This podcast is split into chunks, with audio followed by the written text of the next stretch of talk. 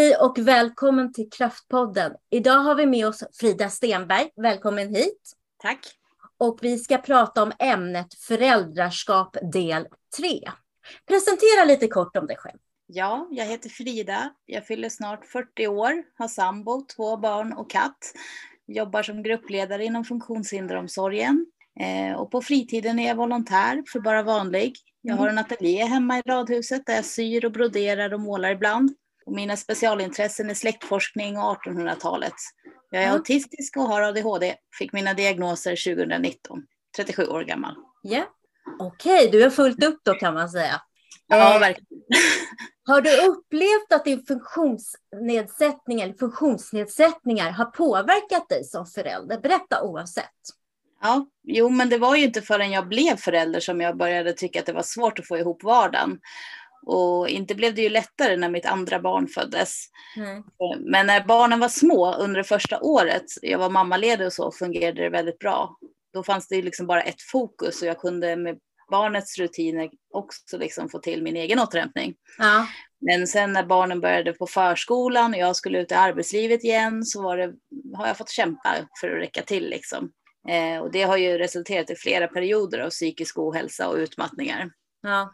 Så det var som en liten chock för dig kan man säga där. Ja, verkligen, verkligen. Det var ju liksom, alltså jag hade väl inte ett hållbart liv innan det heller, men då tog ju jobbet all min tid och uh, kunde fokusera bara på det. Ja. Men, eh, men när man fick flera fokus som eh, man liksom inte kan bortse ifrån Ja. så var det väldigt svårt. Och så var det mycket att hålla koll på. Så man kände alltid att jag låg steget efter liksom. Ja. Eh, och att när energin verkligen tog slut så fungerade jag inte. Eh, sådär. Så att det var ju viktigt liksom att eh, inte få för mycket stress och inte ha för många krav. Mm. Eh, och så är det ju fortfarande. Fast jag har lärt mig väldigt mycket om mina di- diagnoser nu så behöver jag ju liksom intrycksbanta varje dag och ibland flera gånger om dagen för att Ja. inte bli hjärntrött.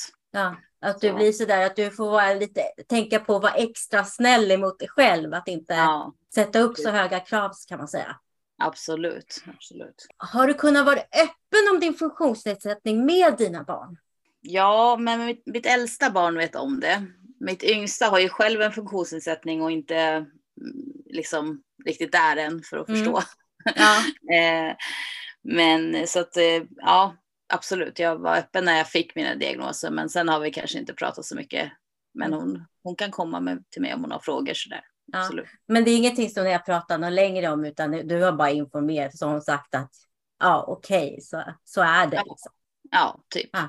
Ja. Men hon kanske kommer längre fram i livet och reflekterar mer över det eller sådär när hon blir äldre och så. ja, men det tror jag absolut. Mm. Och det finns väl liksom vissa saker som hon kan känna igen sig i också. Så att, men, eh, men det är ju liksom det är väl kanske det här varför mamma måste vila så mycket som, som kommer säkert komma tillbaka sen kan jag tänka mig. Liksom, Ja. att, att, eh, att eh, hon kommer fundera över. Liksom. Mm. Mm. Okej. Har du behövt något stöd i ditt föräldraskap? Berätta oavsett. Ja, nej men jag har ju behövt avlastning, både från min partner och mina föräldrar och kommunen.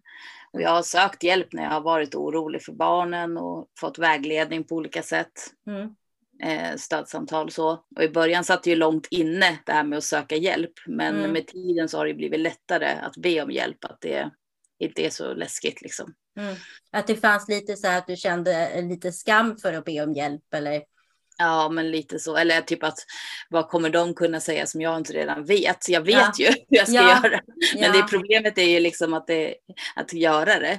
Eller att- att få ihop livet helt enkelt. Ja. Jag hoppas att Men- det är okej att jag ställer en liten följdfråga här nu. Men vad, Mm. vad var det för typ av stöd du fick av kommunen? Nej, men det har ju varit eh, avlösarservice och eh, korttidsvistelse för min yngsta. Då. Ja. Ehm, så. Sen, har ju, sen har det väl varit, mera varit via liksom BUP har jag gått i stödsam, alltså samtal, vi Mm. för föräldrar. Och eh, sen har det väl varit psykiatrin med liksom arbetsterapeut och de här bitarna att liksom Ja. få ihop eh, eh, planering och rutiner hemma Ja. och sådär. Ja. Och fått en massa hjälpmedel. Har fått den här klockan till exempel. Jaha, hur funkar den då? Vad spännande. Ja, Eh, hur funkar den? Är den liksom, säger den till dig när du ska göra vissa rutiner eller? Ja, men den, det är ju egentligen som en vanlig klocka men den är väldigt mycket enklare. Jag som inte läser några instruktionsböcker. Jaha. men Jaha. men jag, jag kan ju sätta liksom tid, timer, alltså att sätta liksom kanske tio minuter, då får jag liksom skärma av. Och sen när det piper då är det tillbaka i föräldrarollen till exempel. Ja. Jag sätter alltid när jag ska äta lunch så jag kommer ja. ihåg att äta lunch. eh, och sådana saker. Så att eh, det hjälper ju mig jättemycket. Ja. Vad spännande. Mm. Och då säger jag så här också, för det kanske är någonting, men nu har vi pratat lite om stöd. Men det kan ju vara någon mer som du har funderat över. Så jag mm. ställer ju frågan så här, är stöd något du hade önskat att få? Då kan det ju vara att du har funderat över någonting, att det där skulle ju behöva finnas för, mm. för människor i min situation. Mm. Ja, men jag tänker på det här med liksom att, att stödet är mer individanpassat kanske och även för familjeanpassat. Mm. Um, och då tänker jag främst in, inom LSS, liksom, när, när man själv har ett barn med funktionsnedsättning och mm. um, att det är så det är så en liten form man ska passa in i, både som familj och som individ och att det inte alltid blir den hjälpen man önskar sig. Ja. Mest av allt liksom. Och jag kan ju tycka att jag känner mig ändå som en ganska bra förälder. Jag är känslomässigt tillgänglig och sådär. Jag har jobbat själv, mycket med mig själv och vet vad jag eh, liksom har svårt för och vad jag är duktig på och sådär. Men eh, det är ju det här allt det andra, att hålla koll på alla andra bitar och vara den här projektledaren på något sätt som, som ofta fallerar. Liksom. Mm. Det skulle vara skönt om det fanns någon som kunde koordinera lite, ja. hjälpa till med sådana saker. Någon, någon, som, var, som kunde hjälpa till med det i vardagen på något sätt och strukturera ja. upp det när det blir Man kunde bolla med, liksom bara, nu håller mitt huvud på brinna upp här. Nu ska jag både det här och så är det här och så är det här och så vad ska jag liksom fokusera på? Vad ska jag börja med och ja. vad kan du hjälpa till med? Liksom? Ja. En sån person hade ju varit toppen. Ja. Det är viktigt att du säger det. Har du upplevt att du fått ett annorlunda bemötande på grund av din nedsättning som förälder? Eh, nej, alltså inte direkt i och med att jag var så jättegammal när jag fick min diagnos, ja. eller min diagnoser. Så har inte upplevt att det har liksom på något sätt eh, varit eh, dåligt bemötande. Nej. Eller så. Nej. Nej. Inget märkbart. Mer förståelse nu då kanske, ja. än innan då. Ja. Ja. Okej. Okay. Har du några knep som du skulle vilja dela med dig av när det gäller föräldraskapet? Ja, jag skulle säga skapa rutiner för, ja. dina, för dig själv och dina barn. Och Eh, nu är jag så lite dubbelnatur, att den ena av mig vill ha rutiner och den andra har svårt att upprätthålla dem. Ja. Men, eh, men jag fungerar ju bättre när jag har mina rutiner. Mm. Och sen eh, kvalitetstid som liksom är kravlös för barnen och för, för oss som föräldrar. Liksom, mm. Att man inte behöver själv styra vad som ska hända utan att man bara är. Mm. Och sen att, att man tänker att livet kan få vara lite randigt. Att man, har man aktiviteter så är det vila efteråt. Och det mm. funkar på mina barn också. Att de ja. behöver också vila ja, eh, när man har gjort någonting. Eh, och sen att man förenklar livet så mycket som det går. Eh, och våga be om hjälp när det, ja. när det inte går så bra. Och sen att man också ska berömma sig själv för det som är gott i, i sitt föräldraskap. För det finns ju finns ju det också såklart. Att man inte är så kritisk och har så höga förväntningar ja. på att allting ska vara så på ett speciellt sätt. Nej men exakt, man får liksom mm. bara, det får man bara skrota och tänka, hur är livet idag och vad kan jag göra för att det ska liksom rulla på så friktionsfritt som möjligt. Ja. Ehm, och sen också självklart ta ansvar och söka den hjälpen om man själv mår dåligt som förälder, att man ja. inte lägger över det på barnen. Ja. Ehm, så så att, eh, det är väl det, de knepen som jag har använt mig av. Ja, visst. Mm. Ja, det är jättebra att du säger det så att andra känner sig stärkta också som lyssnar på det här, eh, mm. som har en liknande situation.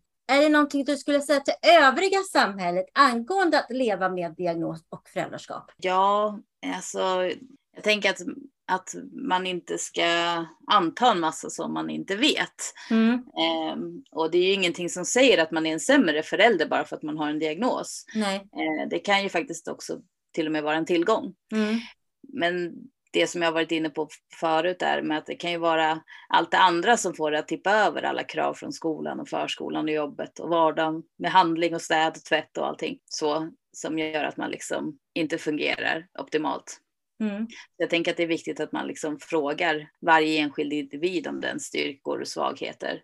För det ser ju väldigt olika ut. Liksom. Ja visst, visst är det så. Är det någonting övrigt du skulle ha till? Ja, men jag tänker så här, det är ju, livet är ju tufft ibland och den här känslan av att inte lyckas med allting som man tror att alla andra lyckas med den är ju väldigt tuff och ibland så är ju verkligen känslan bara, bara jag överlever dagen och får gå och lägga mig ja. så blir allting bra. Ja, eh, och ibland så flyter ju livet på. Eh, men när det är som tuffast så brukar jag liksom tänka att, att jag har ett väldigt kort tidsspann. Att ibland är det kanske bara en timme i taget eller en kvart i taget eller tio minuter i taget och bara fokuserar på det. Liksom. Mm. Så att eh, det kanske kan hjälpa någon som är i samma situation. Att inte yes. tänka så mycket framåt. Liksom. Absolut. Så. Är det något annat du vill tillägga? Ja, nej, jag vet inte. Eh, tack så mycket Frida Stenberg för att du ville dela med dig av dina tankar och erfarenheter. Hej och välkommen till Kraftpoddens summering för ämnet föräldraskap del 3 med Frida Stenberg som gäst 2 oktober 2022. I dagens avsnitt berättar Frida att det inte var för när barnen skulle börja på förskola samtidigt som hon skulle återgå till jobbet som känslan av att inte räcka till kom.